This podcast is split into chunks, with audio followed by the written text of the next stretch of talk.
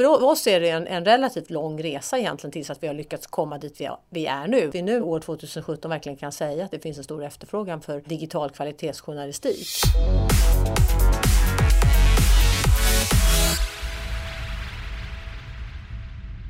Svenska Dagbladet blödde pengar och kunde inte få folk att betala för deras journalistik online.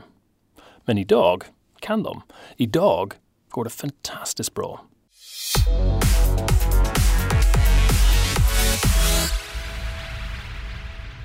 Gunilla Askervid i Svenska Dagbladet. Jättevälkommen till Contentpodden. Första frågan är en, en story som vi alla känner till. Uh, folk läser tidningen, den fysiska tidningen i mindre och mindre grad, men det är svårt att få betalt för, för digitala läsare. Men ni har lyckats göra det. En jättebred fråga, men hur, hur har ni gjort? Ehm, ja, det, det, har vi lyckats med och det kan jag säga på en gång att vi är ju jätteglada för att vi nu när vi sitter eh, år 2017 verkligen kan säga att det finns en stor efterfrågan för eh, digital kvalitetsjournalistik. Alltså journalistik som man får via digitala kanaler också, ska jag säga. Och det är väldigt kul.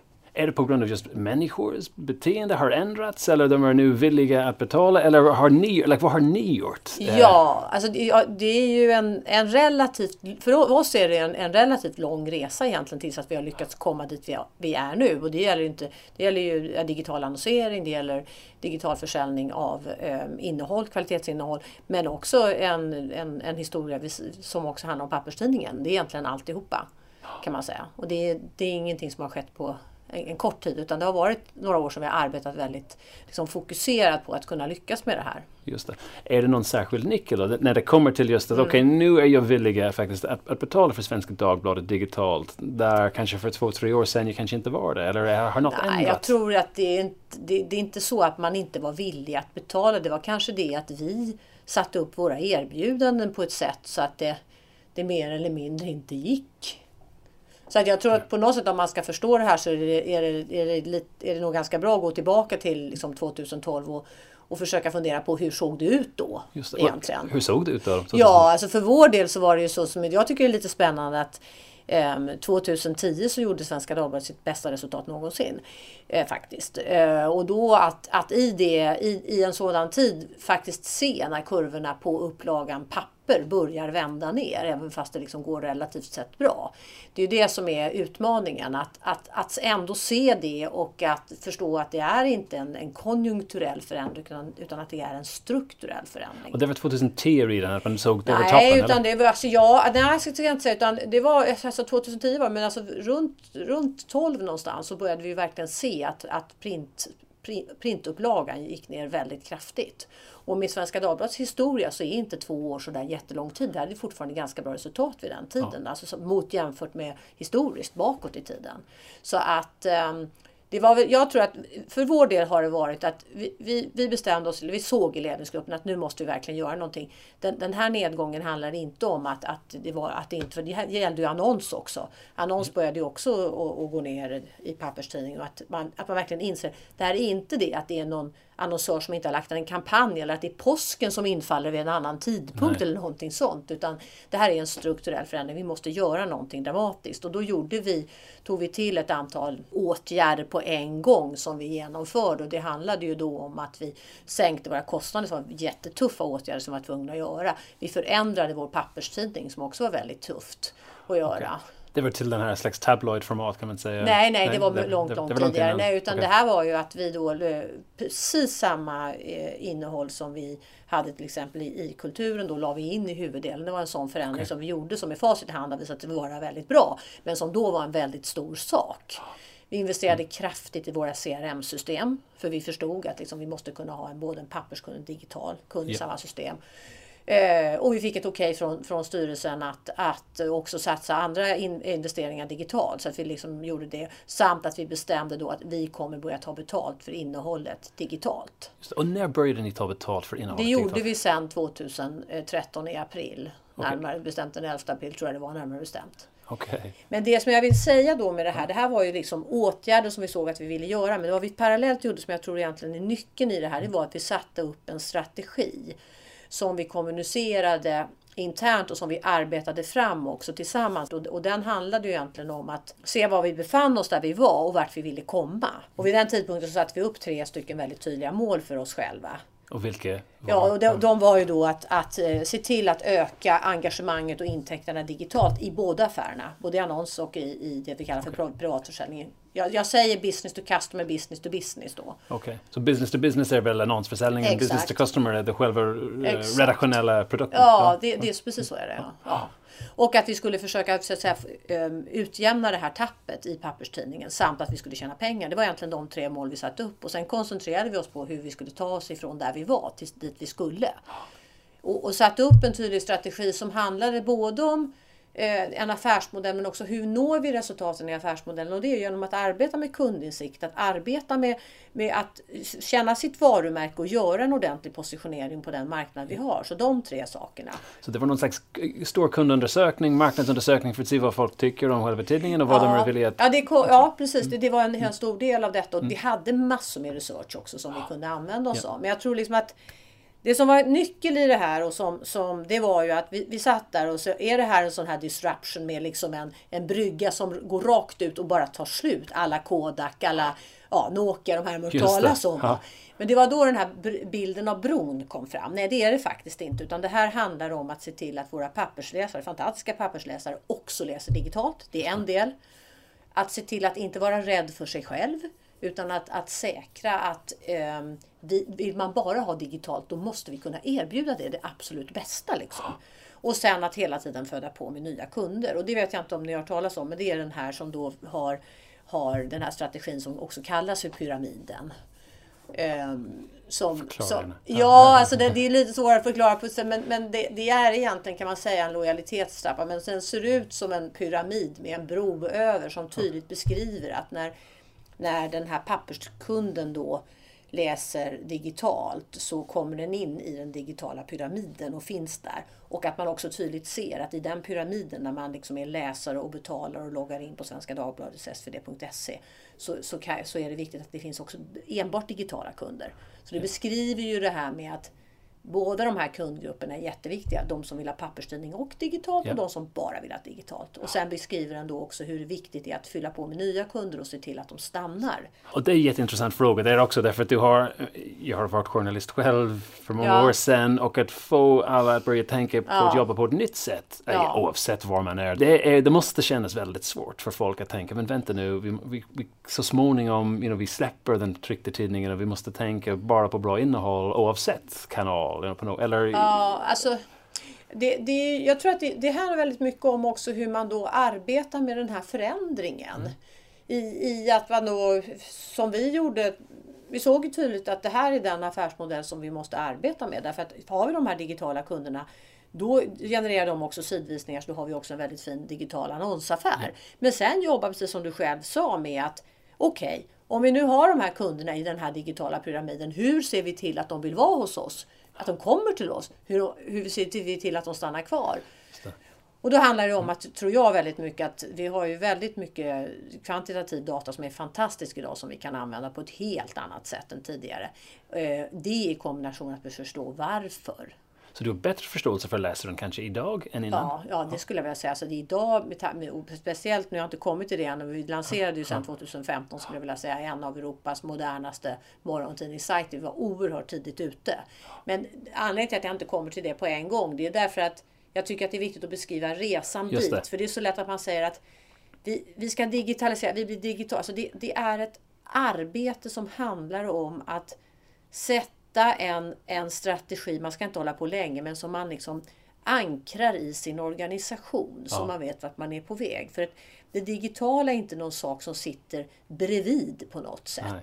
Utan det är ju hela liksom affären. Och när du dessutom har en pappersprodukt som är jätteviktig för oss fortfarande. Det är inte alls så att den inte är viktig. Den är också viktig. Att kunna hantera de här två skeendena på en gång. Det är skillnad om du har en green fil och så ska du lansera någonting helt nytt. Utan det här handlar om att, att jobba på ett sätt så att du ligger precis lite före hästen ska du ligga. Men du får absolut inte ligga bakom för det blir en katastrof. Ja. Eh, och du kan inte heller så att säga bara springa ifrån allt det du har. För det, Nej, det kan vara ja. helt fel sak att göra också. Va? Så att det, det, är väl det som gör, jag har ju, tycker ju väldigt viktigt då att, att arbeta med det här med också med kundinsikt, försöka stå varför läser människor vad, vad, gör de med sin journalistik? Vilket ja, jobb gör vi så att säga för de här läsarna? Vilket, eh, både ur ett funktionellt och ett emotionellt perspektiv. Vi måste komma till den i mer detalj sen, men nu är jag lite mm. intresserad av 2013 började ni ta betalt, om vi går tillbaka ja. till den här resan. Ja. Men hur gick det då i början? Därför att Ja, alltså vi tappade ju när vi, när vi då tog, började ta betalt och det, i, i det så ligger också att vi, att vi satte ett stort CRM-system. För det är också sådana här saker. Ja. Alltså att vi, vi jobbade otroligt mycket med att faktiskt få till att detta fungerar, att ha en digital och en papperskund i samma system. Men hur som helst, så den, den här månaden i april 2013, då tryckte vi på den knappen och det innebar ju att vi flyttade alla kunder från ett system till ett annat. Och det kan jag säga att det är ingenting som syns utanför dörren, men det är superläskigt, för går det fel, Aha. då kommer det inte ut någon tidning i brevlådan nämligen. Exact. Så att eh, det, det gjorde vi och då tappade ju vi kraftigt med sidvisningar i början.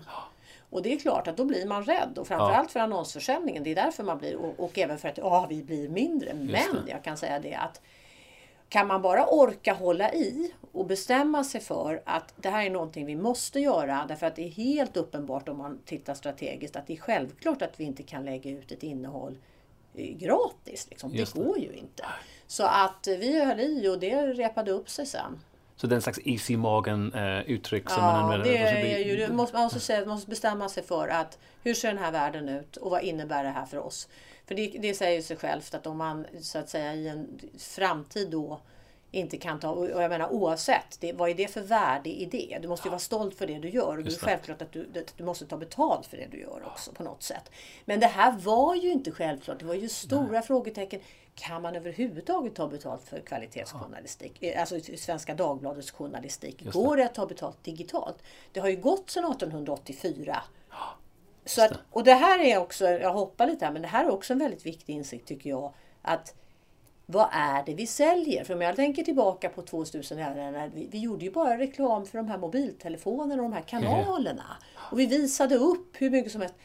I själva verket så är det som att komma ihåg, vad, vad är vårt varumärke? Vad är det vi säljer för någonting? Och hur kan vi så att säga paketera, distribuera, hitta nya affärsmodeller i ett nytt landskap? Men vi, vi, ska inte gå ifrån oss själv. Nej, exakt. Och, ja. Men ändå, det var allmänheten fick någon slags känsla att men, bra journalistik kan jag få gratis på nätet ändå. Det var like, på något sätt måste man, like, ja. det, det har funnits någon slags, in, you know, det ja. gratis. Jo, och, och, det måste man ändra på något ja, sätt. Och det har där, när, när vi talade då så var, då var det ju mer kanske att man var då kom ju Netflix och de här och man började prata väldigt mycket om dem. Och man kan väl kanske säga med facit i hand nu att alla digitala tjänster som man betalar för vad det gäller prenumeration ju, har ju på sätt och vis hjälpt till. Ja. Därför det har ju blivit ganska normalt att man betalar för, för olika typer av, av innehåll idag. Just det.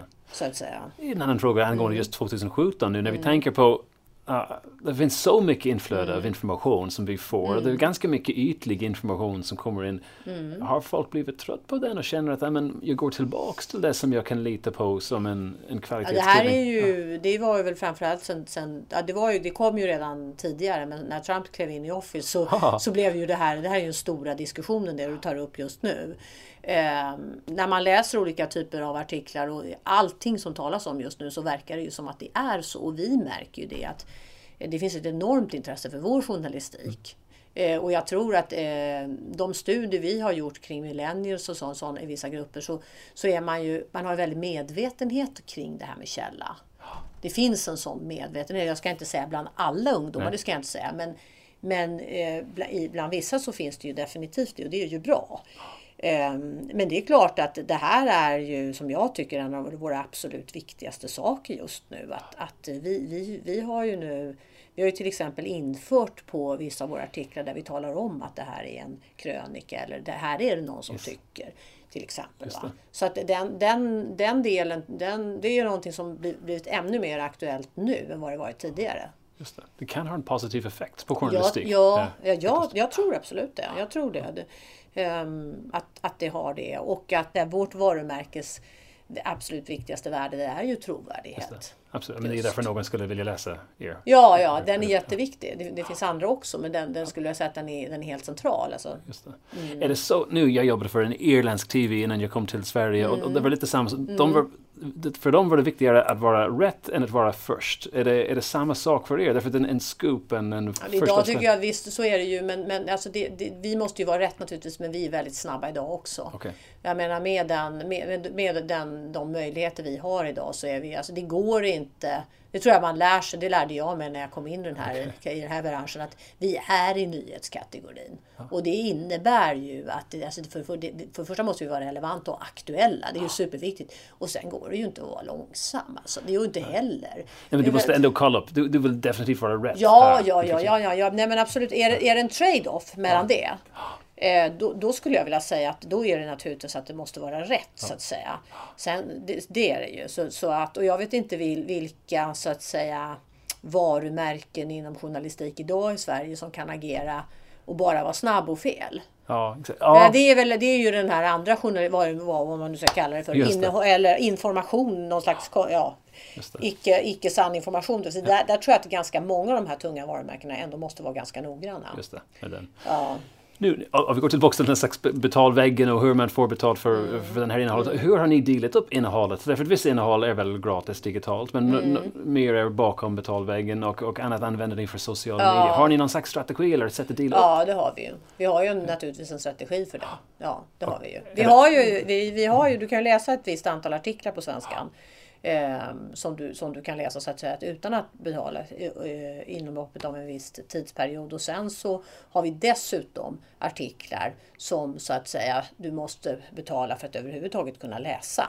Så vi har egentligen en, en man kan kalla det för en hybridmodell. kan man kalla det för då. Och hur tar man ett redaktionellt beslut kring dem? Att den här ska vara premium och den här kan vara ja, gratis? Ja, alltså det där är ju eller är det lite en av en, ja, Det där är väl lite av en, en eh, liksom, ja, det är ingenting man kan gå in i detalj, men det är naturligtvis så att man kan väl säga generellt att allmängods det är ju, inte, det är ju uh, ingenting som man så lägger bakom en premium eller som Nej. vi lägger bakom en premium. Men däremot så finns det ju uh, till, till, exempel vissa av våra analyser och viss, viss typ av vårt innehåll som är väldigt uppskattat. Och, och då så Eh, så lägger vi ju så får man ju betala för det då.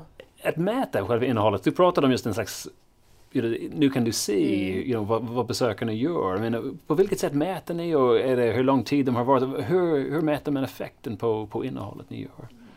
Så vi har ju möjligheter med, dem, med, det, med, med det ja, CMS och de analyser vi har idag att kunna, att kunna mäta olika typer av liksom beteenden och sånt. Och det, det är också viktigt att komma ihåg att det gör man ju inom ramen för det man kan göra. Man ja. går ju liksom inte in och, och mäter individer på det sättet utan man olika typer av av sektioner som går intressant för vissa olika målgrupper. Så kan man, den, typ, den typen av mätningar. Och där, det är precis som du säger, förut hade vi en papperstidning eh, som man liksom inte visste så där jättemycket om utan man hade kanske någon rammätning där man kunde se ungefär vad folk sa att de hade ja. gjort.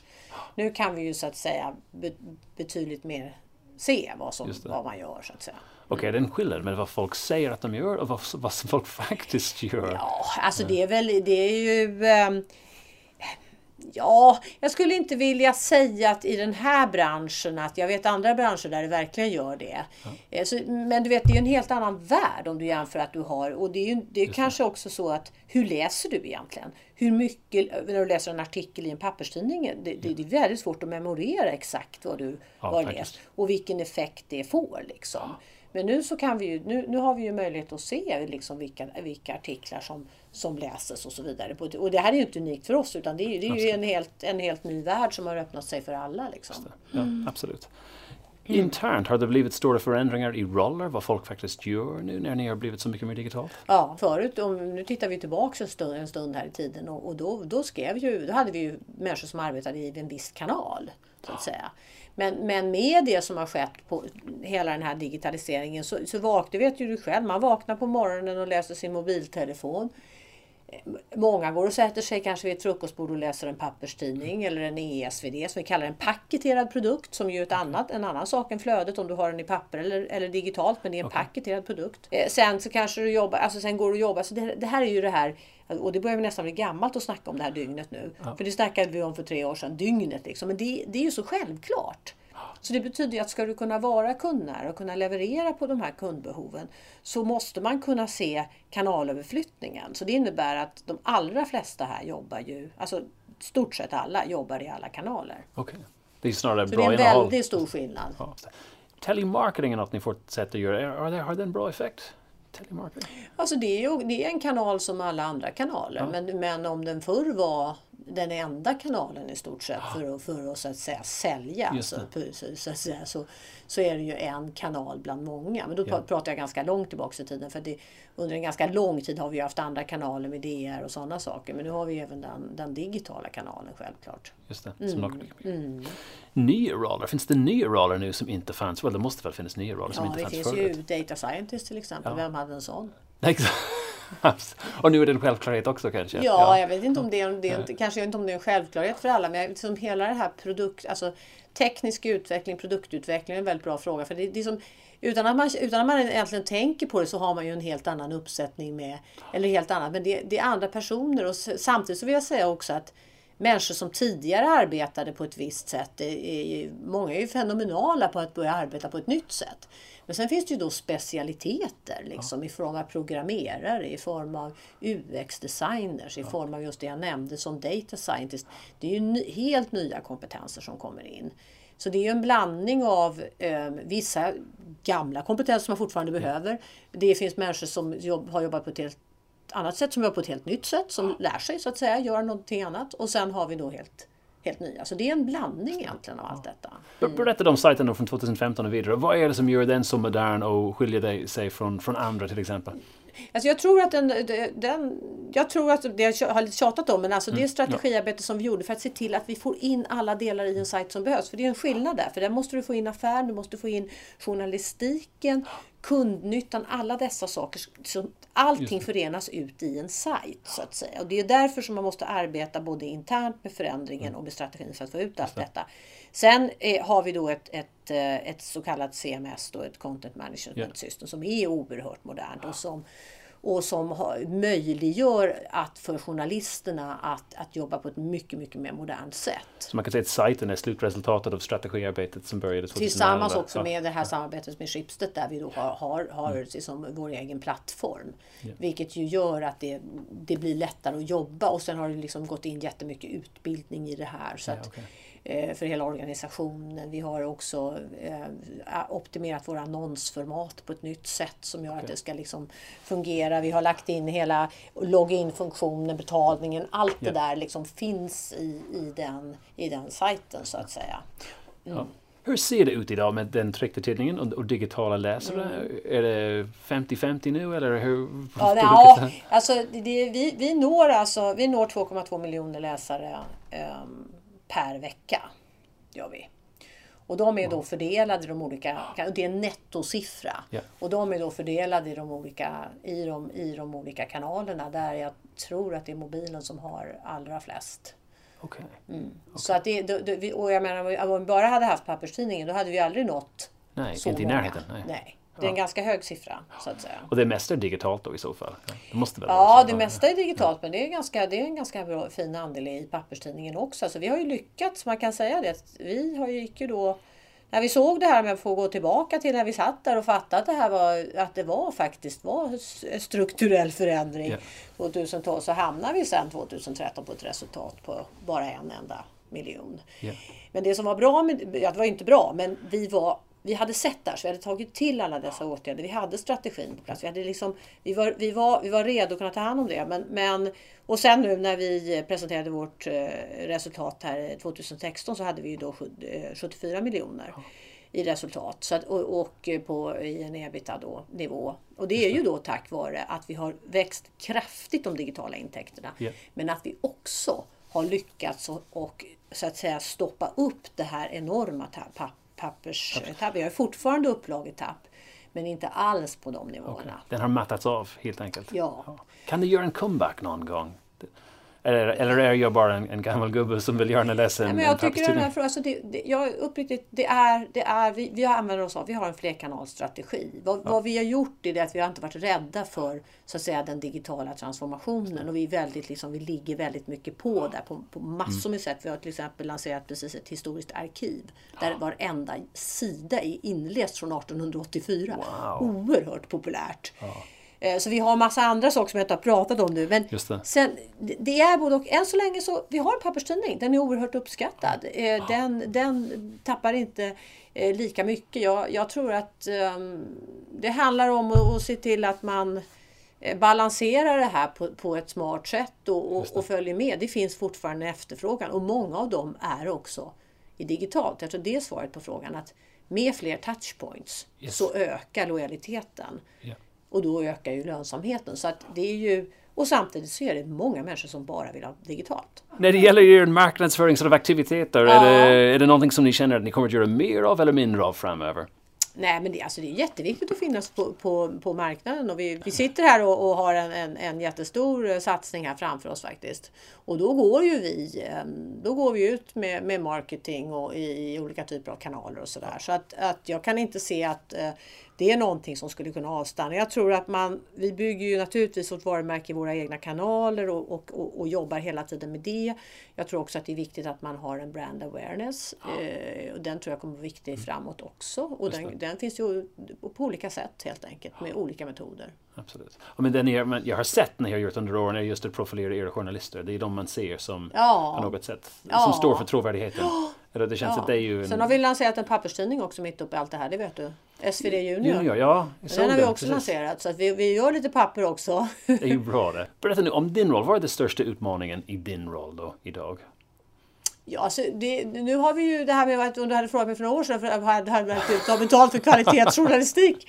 Men alltså det är, det är precis det vi var inne på lite grann. Alltså framåt det är ju de, de utmaningarna vi, vi har med stor konkurrens ifrån framförallt eh, amerikanska sociala sajter och så vidare. Och där handlar det ju väldigt mycket om att hålla i. Men jag tror att att veta vem man är i form av sitt varumärke, att ha en ordentlig kundinsikt eh, och ehm, en tydlig strategi och en öppenhet för, för innovationer.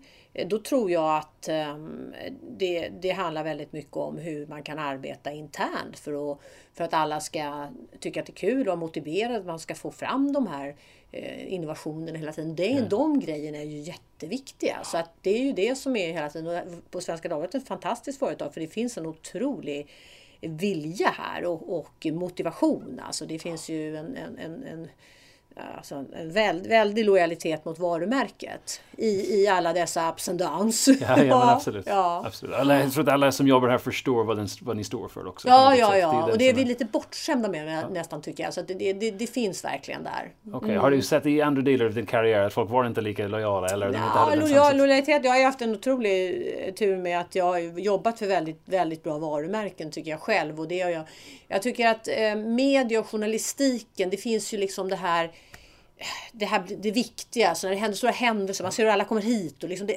det finns en enorm liksom kraft och, och de som jobbar här på affär också så tror jag, i de rekryteringar som jag själv har gjort så det handlar om att man har kommit så långt i sin egen så att säga marketing sales karriär att man att man så att säga är, är beredd att göra det här. Därför att man är ju hela tiden, det är två stycken, man är ju inte ansvarig för produkten fullt ut. Och det ska man ju inte heller vara. Nej. Därför det är det som är integriteten.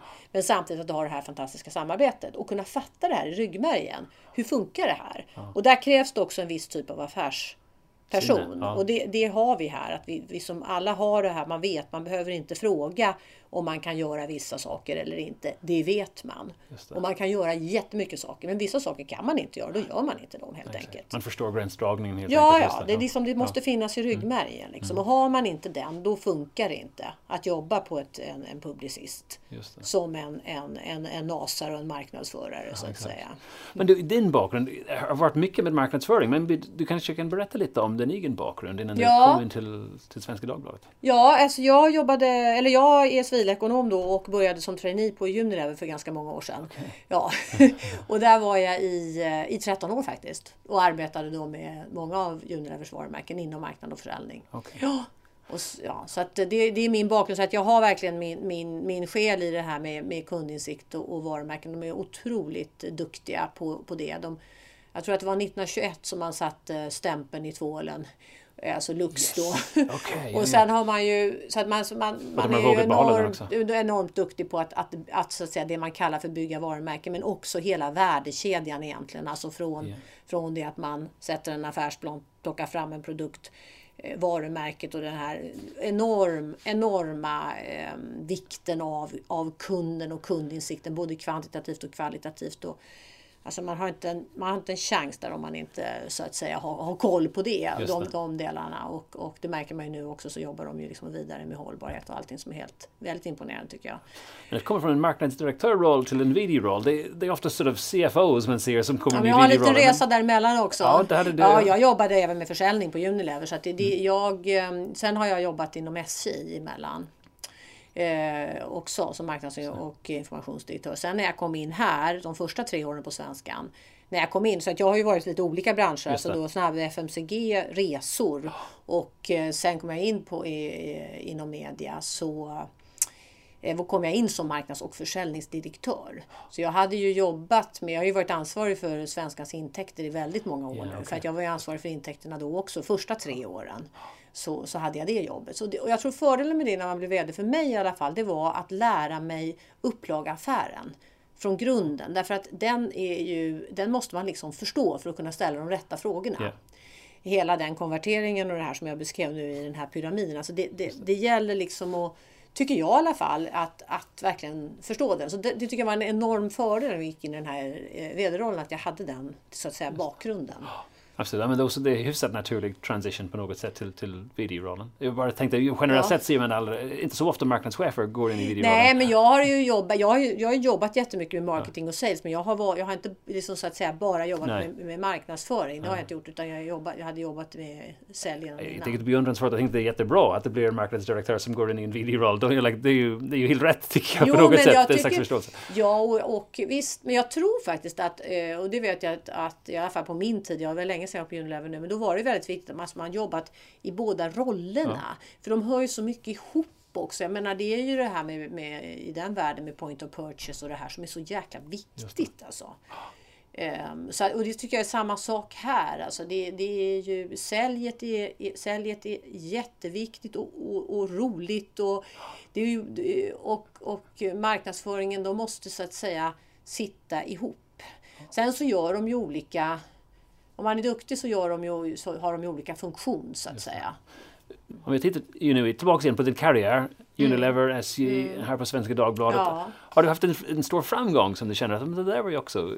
Så vi, jag har haft eh, flera, flera framgångar skulle jag vilja säga. Ja. Inom Unilever Team så jobbar jag ganska mycket med glass och vi, vi, hade, vi lyckades väldigt bra med många lanseringar där också. Bland annat eh, kommer ihåg, vi lanserade de här gamla klassikerna i flerpack och de kan jag konstatera, de ligger kvar i, i diskarna nu med toppat och lite annat smått och gott.